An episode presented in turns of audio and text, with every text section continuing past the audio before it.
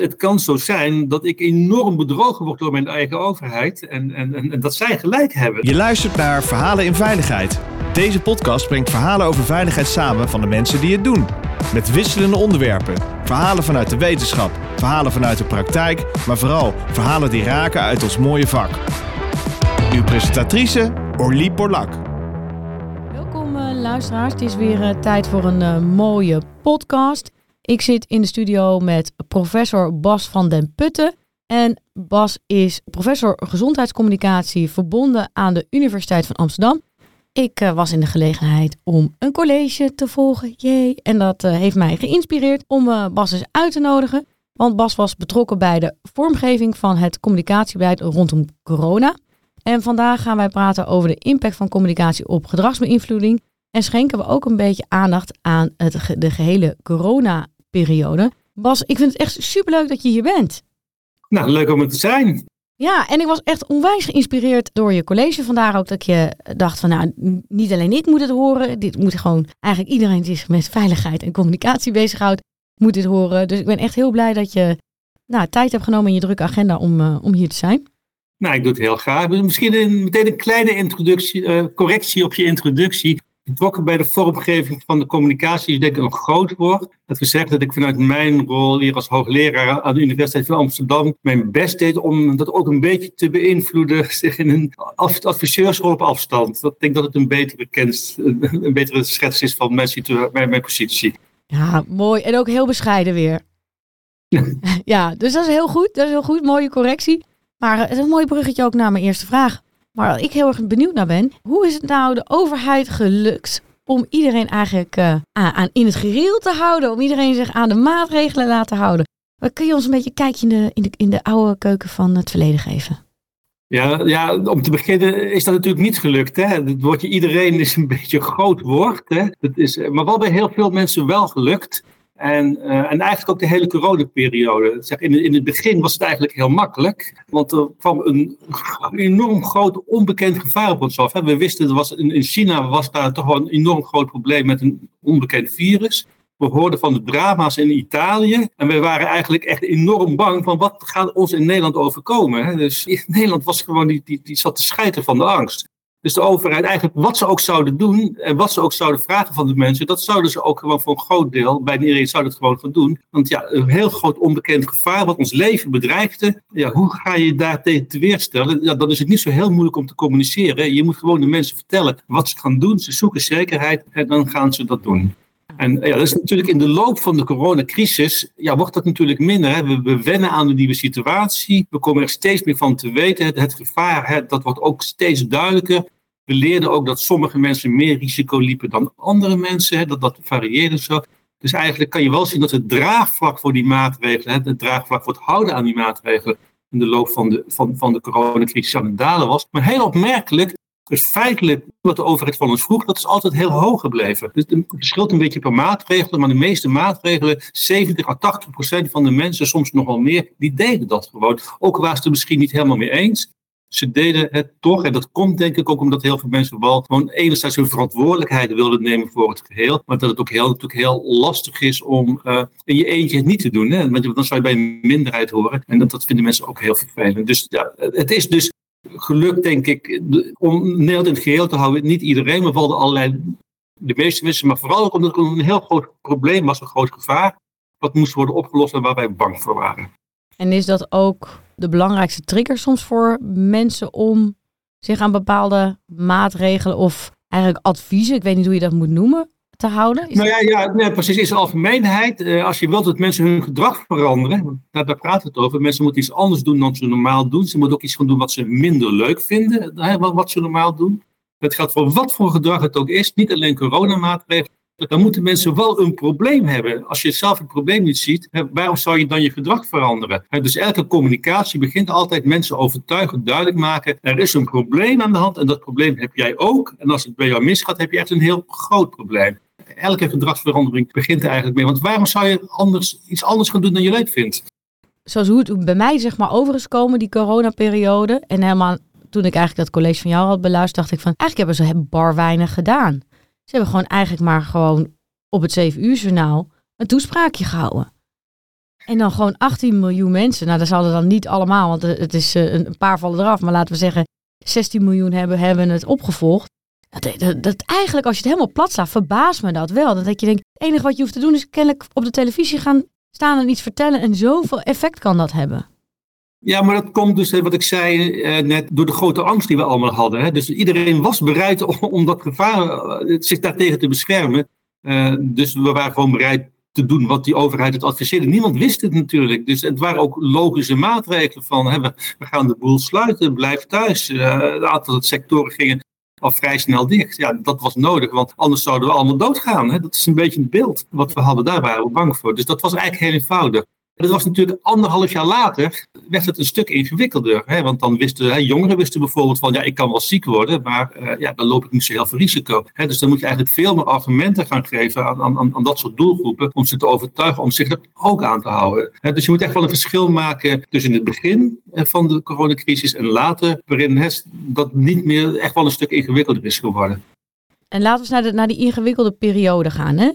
Zijn dan ook die interventies veranderd? Want in het begin ja, ja, dat hebben we gezien. We hebben aan de buis gekluisterd gezeten. We waren inderdaad angst. Zeker de beelden uit Italië waren echt heel erg heftig. En je wist inderdaad niet. Ja, ik weet nog dat ik kwam vliegen uit uh, een vakantie. En dat er een vlucht aankwam in Schiphol uit Italië. En dat ik tegen mijn kinderen heb gezegd: gaan jullie maar vast naar buiten. En dan gaan wij de koffers wel halen. Want dat was de band waar, waarop onze koffers kwamen. Was naast de band die uit Milaan kwam. Ik weet nog dat ik doodsbang was om mijn koffers te gaan halen. Ja, je wist het gewoon niet.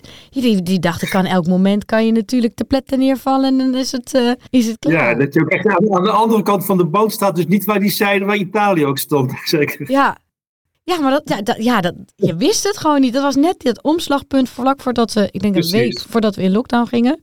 Maar over die periode daarna, dus dan, dan, dan daalt dat stof een beetje. Er ontstaat heel veel, eigenlijk ook wel gedoe tussen allerlei wetenschappers. Dus er wordt over en weer, nou, volgens mij kon je elke avond uh, je avond vullen tijdens de lockdown met allerlei praatprogramma's, toch? Iedereen was expert. Ja. Echt ongekend hoge kijkcijfers. Ja, ongekend. Ja, we hadden ook niks anders te doen, dus dat, dat heeft natuurlijk denk ik ook wel meegespeeld. Maar wat is er dan eigenlijk allemaal veranderd in die periode daarna? Ja, wat, er gaat, wat er veranderd is, wat ik net zei, van uh, we gaan een beter beeld krijgen van de risico's die we feitelijk lopen. En je ziet ook dat sommige mensen lopen heel veel risico's. Enerzijds om besmet te raken, maar anderzijds ook als ze besmet raken, om dan ook echt ziek te worden, in het ziekenhuis te komen of eventueel zelfs dood te gaan. Terwijl we andere groepen veel minder risico lopen.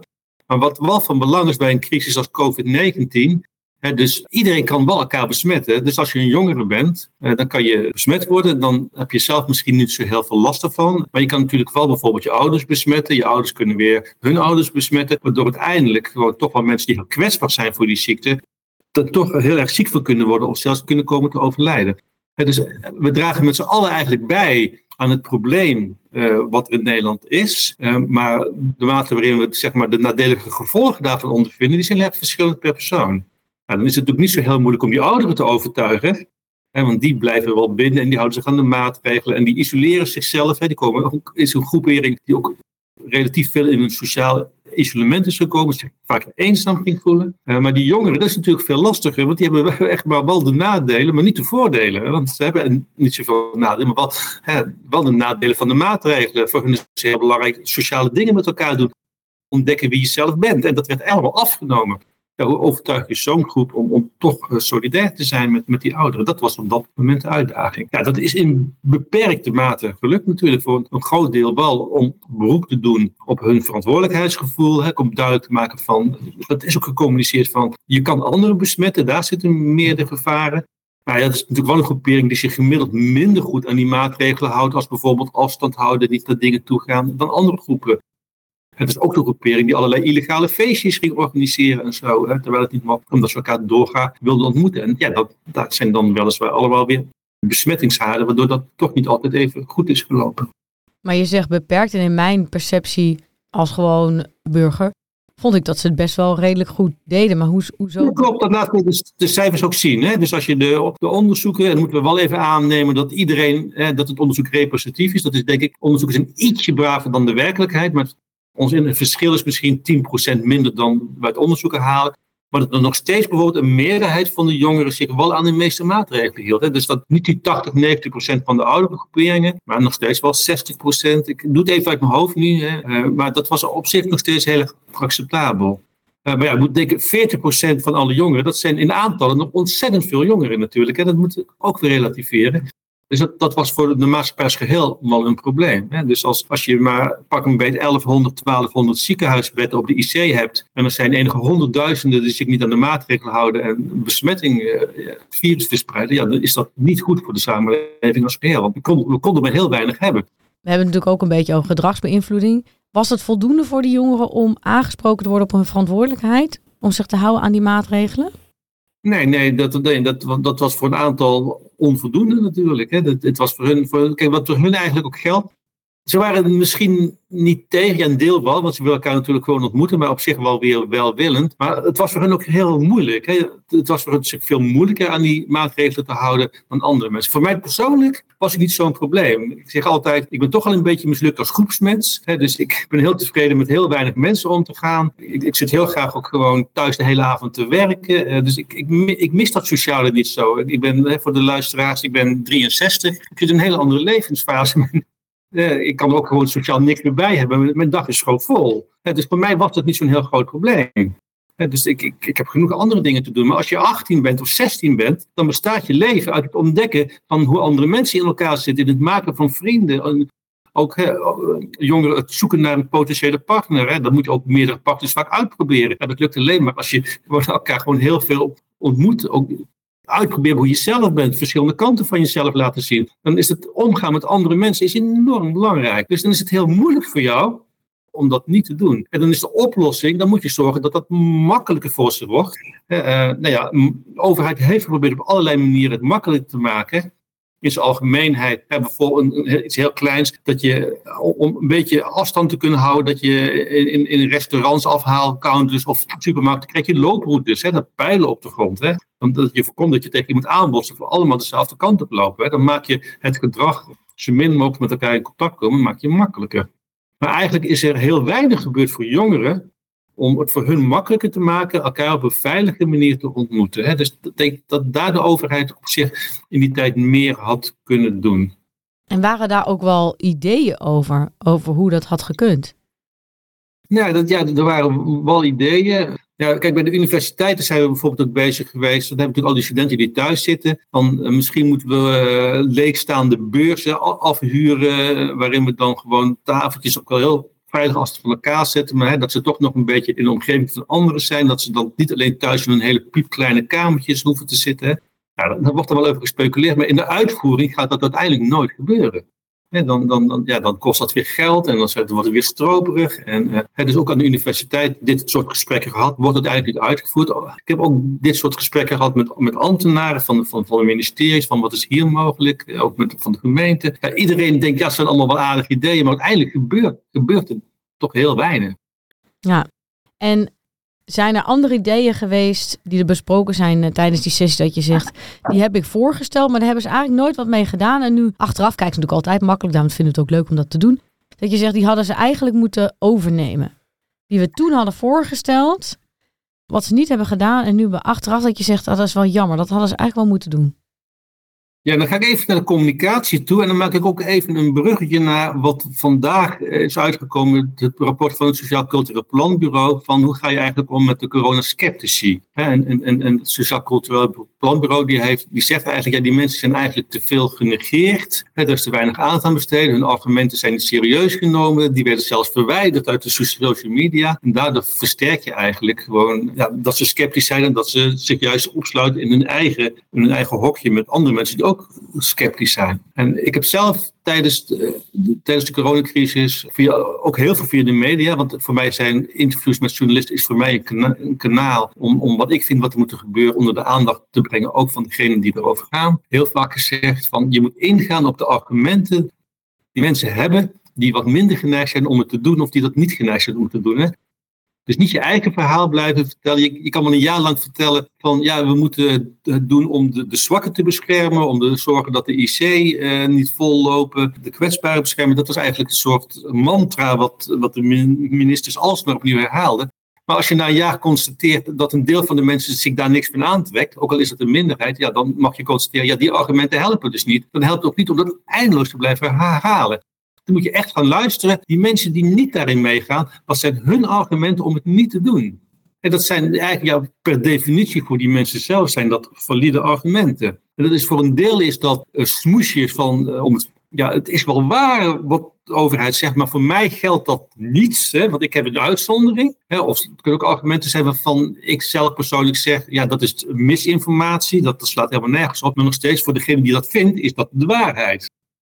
En als je gewoon met die groepen in communicatie wilt, hè, dan zou je moeten ingaan op die argumenten waarom zij vinden dat iets niet nodig is voor hun persoonlijk, of waarom iets niet waar is, wat jij als overheid wilt communiceren. Dus je moet je echt inventariseren, wat zijn die verschillende argumenten en hoe kan ik daar op een goede manier op reageren. Nou, die inventarisatie, die gebeurde misschien nog wel een beetje, uh, maar er wordt eigenlijk uh, dat zag ik in de communicatie niet goed terug, moet ik zeggen. En zeker niet in, in, de, in, in de massamediale communicatie. Als ik praat met bijvoorbeeld met gemeenteambtenaren, GGD-ambtenaren die in de wijken met mensen hebben gesproken, hè, dat is wel een veel lager niveau als de, de Rijksoverheidscommunicatie, die zeggen, ja, wij hebben dat wel geprobeerd. Ja, dat kon ik natuurlijk vanuit mijn positie niet waarnemen, want dat gebeurt echt in de wijken. Dus ik hoor, ja, wij hebben dat wel degelijk geprobeerd. Maar zeg maar in het beeld van de communicatie in Nederland als geheel, is niet meer indruk dat dat heel erg aan de hand was. Dus, dat, dus, het, zeg maar, dus ingaan op de argumenten van mensen zelf, zodat je echt in gesprek met die mensen gaat. Hè? En niet, als, alleen maar cent wat jij vindt, maar ook echt een gesprek en dialoog aangaat met die mensen die wiens gedachten wil beïnvloeden. Dat is er denk ik te weinig gebeurd. Ja, en dan was een van de verhalen, de, uh, daar schrok ik zelf wel van, er geloofden een heleboel mensen in, is dat je van uh, het vaccin onvruchtbaar zou worden. En er was een hele groep uh, die zich ook niet wilden laten vaccineren om die reden. Ja, goed, en ja, dat, dat lijkt mij, zover ik weet, maar ik, ik, ik geloof natuurlijk alle wetenschap, want ik ben zelf een wetenschapper. En dan, dan kan je in wezen, moet je nagaan, waarom vinden mensen, dat, waar komt dat vandaan? En dan kan je ja, nadenken, oké, welke argumenten kan ik gebruiken om die mensen te overtuigen dat het niet klopt? Nou, een deel van die mensen laat zich denk ik wel overtuigen door gewoon hele rationele argumenten van je kan gewoon aantonen van, we hebben, er is heel veel onderzoek naar gedaan naar de consequenties daarvan. En daaruit blijkt dat dat niet waar is. dat kan je uiteindelijk overtuigen. Er, natuurlijk zijn er wel eens mensen die onvruchtbaar worden en die gevaccineerd zijn. Maar je moet altijd vergelijken met hoeveel mensen, mensen die niet gevaccineerd zijn, worden onvruchtbaar. Waarschijnlijk zijn dat er precies evenveel, omdat er geen relatie is. Hè. Maar goed, dus dat kan je op zich wel uitleggen. Dan iets begrijpelijker voor een brede doelgroep dan, dan ik het niet doe. Uh, en ik denk dat je een deel van de mensen wat kan uitleggen. Nee, dat, is, dat, dat, dat jij dat denkt, dat is gebaseerd op een redenering die niet kloppend is. Dat zit sowieso in elkaar. Daarbij moet je denk ik ook altijd heel veel aandacht hebben eerst ook voor een emotie. Hè. Er zit een emotionele lading onder. Dus je moet gewoon, denk ik, heel veel uh, begrip hebben voor de onderliggende emotie, wat ze daarbij voelen. Daar moet je, denk ik, ook iets mee doen. Maar vervolgens ook aangeven waarom we niet waren. Maar we moeten ook realiseren, een deel van die mensen zou je nooit kunnen overtuigen. Hè. Die komen met tegenonderzoeken. Uh, ja, wat ik persoonlijk noem, iets meer obscure wetenschappersartikelen die nooit gepubliceerd zullen worden, omdat het vanuit wetenschappelijk onderzicht echt beren slecht onderzoek is. Ja, die circuleren ook. maar er zijn ook groeperen die geloven daar, die zou je nooit kunnen overtuigen. Maar ik denk wel, je moet altijd je eigen verhaal blijven vertellen. Ook gewoon laten zien, nou, dit is wel bewijsbaar op een goede wetenschappelijke manier en wat niet. Dan kan je toch een aantal mensen meenemen. En dan ga je er dus wel in, want dat was jouw vraag, op hun argumentatie hè, lopen we het risico om onvruchtbaar te worden. Hè. En als dat aantoonbaar onjuist is, ja, dan moet je daar met ze over hebben. En dan moet je niet herhalen, ja, maar we moeten voorkomen dat de mensen op de IC komen, want daar red je het dan niet mee. Ja, dat denk ik ook. Ik denk dat je mensen serieus moet nemen in hun, uh, in hun verhaal. Omdat het, ik heb gemerkt dat heel veel complotdenkers, het komt wel ergens vandaan. Hè? Dus dan in, in Amerika is er dan een schandaal geweest, ook met een vaccinatieprogramma. En daar zijn daadwerkelijk burgers door hun eigen overheid onvruchtbaar gemaakt. Dus, eh, dus ergens komt hij dan vandaan. Ergens is een wantrouwen ook naar de overheid. Dus het, het, het hangt een beetje met elkaar samen. Ik denk ook dat als je naar die, die anti-wexers kijkt, is dat het niet alleen maar per se misschien met corona te maken had, maar wel met anti-overheidssentimenten. Dat ze denken, ja, je probeert ons nu via die corona probeer je ons te beïnvloeden. Je probeert ons vrijheden af te pakken. Uh, er zit een, een soort, uh, ik had een beetje George Orwell-achtig gevoel elke keer bij die argumenten. Ik weet niet of jij dat ook had. Dat je echt dacht, uh, het ministerie van, weet je wel. En dan ja. beeldspraak en we gaan jou een beetje controleren. Dat gevoel kreeg ik als ik dan die gekke Facebook-post in één keer zag, dan denk ik, ja, het is wel heel achterdochtig. Maar stel nou dat ze gelijk hebben, dan zit er inderdaad een soort evil society achter, die het wel makkelijk vindt dat er nu een virus is, om volledig de samenleving aan banden te leggen. Dan denk ik, als je dat echt gelooft en overtuigt, lijkt me ook wel een angstig idee of zo, dat je dat denkt. Ja, ja, ik kan ook niet bewijzen dat het niet zo is. Hè. Dus ik geloof dat niet. Maar ja, het kan, het kan zo zijn dat ik enorm bedrogen word door mijn eigen overheid. En, en, en, dat zij gelijk hebben. Dat is, dat is moeilijk. Dus een, een heel goed verborgen complot van alle overheden in de wereld om ons allemaal onder te houden. Of wat je ook leest, zelfs reptielen van andere planeten die er hier allemaal achter zitten. Persoonlijk denk ik complete onzin. Maar vraag, vraag je mij, kan ik dat bewijzen? Nee, dat kan ik niet bewijzen. Het is uiteindelijk wel een kwestie van inderdaad vertrouwen in de overheid. Hè? Dus in die zin uh, komt, het, ja, heb je, komt het ergens vandaan, dan ben ik het met je eens. Ja, dat komt, het is niet pas met corona ontstaan. Hè? Ja. er was ook voor corona waren al allerlei groeperingen die gewoon eh, veel wantrouwen hebben tegen de overheid. En dat is soms ook wel terecht. Hè? Er zijn ook groeperingen in Nederland die ook zeg maar, ja, vaker door de overheid in de steek zijn gelaten overheid die hun beloftes niet nakomt. Mensen ook echt nadeel ondervinden van overheidshandelen al dan niet terecht. En soms ja, kan het niet anders. Soms maakt de overheid echt enorme fouten. En uh, die hele toeslagaffaire. Dat voedt al dat soort, soort wantrouwen. Ja, vanuit die voedingsbodem. Uh, ja, uh, dan gaan we naar corona. En dan gaat het natuurlijk door, door de, hele dynamiek van de COVID-crisis. gaat zich dat natuurlijk ook iets, iets verder verspreiden. Zeker bij mensen die daarvoor gevoelig zijn. Ja, en nu, ik denk ook met de huidige media, is dat voor alles is nu wel data te vinden. Dus als je gaat googelen, in je eigen gedachtenstroom vind je altijd wel een groep die het met jou eens is. En je vindt daar ook altijd alternatieve facts voor of alternatieve plaatjes bij. Je hebt echt die data gaat best wel ver. Het is niet alleen maar artikelen, maar het zijn ook echt foto's die er dan bij horen en zo. Dat, uh, dat je nee, nee, dat klopt. Ik, uh, ik, ik, ik, heb de eer dat ik uh, tegen mijn wil geabonneerd ben op een e-mail van, van, ja, van de, de sceptici die mij, ja, de slechte communicatie, die sturen mij 30 mailtjes per dag ongeveer die ik allemaal keurig opsla. En, uh, maar wat mij daarin opvalt, uh, en ik mag het, is jammer eigenlijk, uh, ik, kan, ik kan niet replyen, ik, kan ook niet, ik zou niet niet willen abonneren, maar ik zou ze willen adviseren, stuur mij één per week, dan heb je kans dat ik het lees. Maar, gewoon een paar per uur is iets te veel, dat gaat gewoon ongelezen in een mapje. Maar af en toe scan ik ze wel. En wat me daarin opvalt, is uh, dat, dat er heel veel linkjes zijn en onderzoeken die worden aangehaald om, om het gelijk van het standpunt van allerlei sceptici te bewijzen. Dus dat zijn wel mensen die op een, ook proberen op een hele rationele manier te onderbouwen dat wat hun standpunt is, dat het inderdaad ook met feiten kan worden onderbouwd. Het, is niet alleen van, het is niet alleen emotie zit natuurlijk ook in waar het vandaan komt. Eh, maar het, is ook echt oprecht geloven en daar ook argumenten bij, bij zoeken. Dus wat ze proberen, zo eigenlijk op dezelfde manier waarop ik probeer vanuit mijn wetenschappelijke visie dingen over het licht te brengen. Dat gebeurt onder de sceptici gebeurt dat ook. Wat op, zich, ja, op zich verstandig is, zou ik zeggen. Ja. Wat heb je persoonlijk geleerd uit deze hele ervaring? Wat heeft je verbaasd en wat heb je geleerd dat je zegt, nou, dit neem ik mee uit die hele periode van gedragsbeïnvloeding en communicatieadvies. Gewoon mijn carrière. Nou ja, misschien twee dingen. Het eerste ligt het misschien het dikst bij je vraag over wat heb ik geleerd qua communicatie. Is dat we veel eerder hadden moeten. Nou, misschien twee dingen. We hadden veel eerder moeten beginnen met het communiceren met uh, moeilijk bereikbare groepen. Hè? Dus wat je zag, er werd heel erg massamediaal gecommuniceerd in het begin, ook via de media. Maar er zijn grote groepen in de Nederlandse samenleving die bereik je eigenlijk niet goed met de reguliere media. Die kijken niet onze eigen televisiezenders, die zien de persconferenties niet, die lezen niet onze kranten, die kijken niet naar al die talkshows. Die worden eigenlijk heel slecht bereikt en die hebben of geen media of die hebben hun hele eigen media. Ook vaak mensen zeg maar, die uit een, oorspronkelijk uit een ander land komen of hun ouders uit een ander land komen. Die, daar, daar komt voor hun nog heel veel informatie vandaan.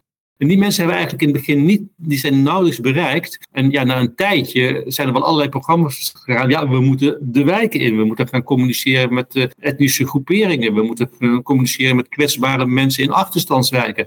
Nou, daar zijn uiteindelijk de klappen gevallen. En ook, ook, in die groepen was ook wel veel weerstand en ook wel veel uh, misinformatie. En ik denk als we. En misinformatie is iets anders dan sceptisch, hè? Dat is, uh, om dat te verhelderen.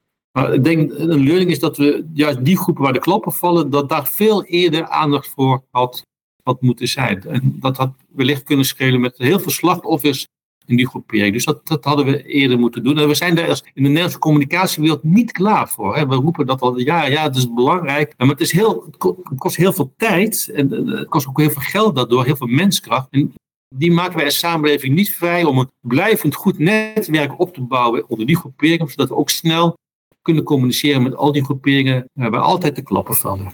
Dat is één. Ja, en een tweede, wat ik me verbaasde wil ik niet zeggen, maar wij, wij, wij zijn als samenleving zijn wij niet klaar als voor deze crisis meer. Dus we, we, leven in een tijdperk, en dat zie je onder jongeren nog meer dan onder ouderen, waarin we niet meer hebben geleerd om met tegenslagen om te gaan. Dus mensen zijn vrij snel van de leg. En ook op hele kleine dingen. Hè. Dus, dus ik, ik, sta met verbazing te kijken dat mensen enorm boos waren en in protesten dingen niet deden omdat ze niet op vakantie naar het buitenland konden. Dat was een groot probleem. En dan denk ik, ja, ik zelf denk, er liggen hier mensen te sterven in het ziekenhuis. Uh, is het nog heel erg om een jaartje niet op vakantie naar het buitenland te gaan om te voorkomen dat het probleem nog groter wordt. Maar er worden, dat worden enorme emoties werden daaraan verbonden. Dus allerlei vlakken dat als er een, een tegenslag is waarvan ik denk dat is relatief klein. Er zijn grotere problemen in de wereld. Hè. Je kan ook op een bootje op de Middellandse Zee dobberen als vluchteling. Dan heb je wel echt een groot probleem. Maar mensen gaan dingen niet doen en daardoor de risico's voor de hele Nederlandse samenleving vergroten voor iets wat voor hun een persoonlijk een tegenslag is, maar waarvan ik denk, waar gaat het over? Dus mensen kunnen heel slecht omgaan van, het zit even niet mee in het leven. En, en dat zou je eigenlijk moeten opbouwen in al die jaren daar naartoe. Dus mensen moeten eigenlijk leren omgaan met, met tegenslagen. En ik denk ook dat jongeren te veel worden beschermd, ook veel beschermd worden door hun ouders, ook beschermd door iedereen om hen heen. Alles moet altijd voor iedereen worden geregeld. Nee, gooi mensen maar eens in het diepe, laat ze maar eens struiken, laat maar eens lekker misgaan en laat ze het ook vooral zelf oplossen zodat mensen leren omgaan met tegenslag en een beetje weer meer weerstand krijgen. Dus uh, dat dat bij toch grote groepen te laag was, ja, dat is iets wat ik denk, ik, daar moeten we misschien iets van mee. Om klaar te zijn voor de volgende crisis in Nederland, zouden we eigenlijk moeten bouwen aan het opbouwen van meer weerstand in de Nederlandse samenleving. En als derde, maar dat is denk ik wat ik zelf fout gezien heb. Ik heb onderschat, echt onderschat, wat het met jongeren doet als we een half jaar niet naar school mogen. Dus ik dacht eigenlijk wel, die jongeren, dat zijn, die zijn veerkrachtig, die zijn weerbaar. Zo'n half jaartje met elkaar online. Ze zitten toch al de hele tijd met elkaar online. Wat maakt het uit dat je elkaar fysiek niet ziet? Nou, dat dacht ik echt. Nou, we weten nu dat dat niet zo is. We zien gewoon bij, bij de jeugd, bij de jongeren, ik zie het ook bij mijn studenten, eh, dat dat gewoon een langdurige mentale negatieve weerslag heeft op hun, leven. Je ziet ook dat ze vaak moeite vinden om sociaal met elkaar om te gaan in een real-life situatie. Ze vinden het eng om in een klas het woord te voeren, een aantal. Dat was voor corona, hoorde ik daar veel minder klachten over. Dat, dat, hoor ik nu veel vaker. Dus, en, en ja, het is echt, dat, ik geloof rond 50% van ook mijn studenten die meldt uh, mentale klachten. Ja, dat was uh, voor de crisis misschien 18%. Hè. Ik zin wat getallen, maar het was echt een groot verschil. En dat is echt aanwijsbaar aan die coronacrisis. En dat hebben we onderschat. Wat ook hebben geleerd, laten we dat bij een volgende crisis nooit meer zo doen. Ah, mooi. Dan wil ik jou hartelijk danken voor uh, deze mooie podcast. Graag gedaan. Je luisterde naar Verhalen in Veiligheid. Wil je niks missen van deze podcast? Abonneer je dan op deze podcast in je favoriete podcastplatform.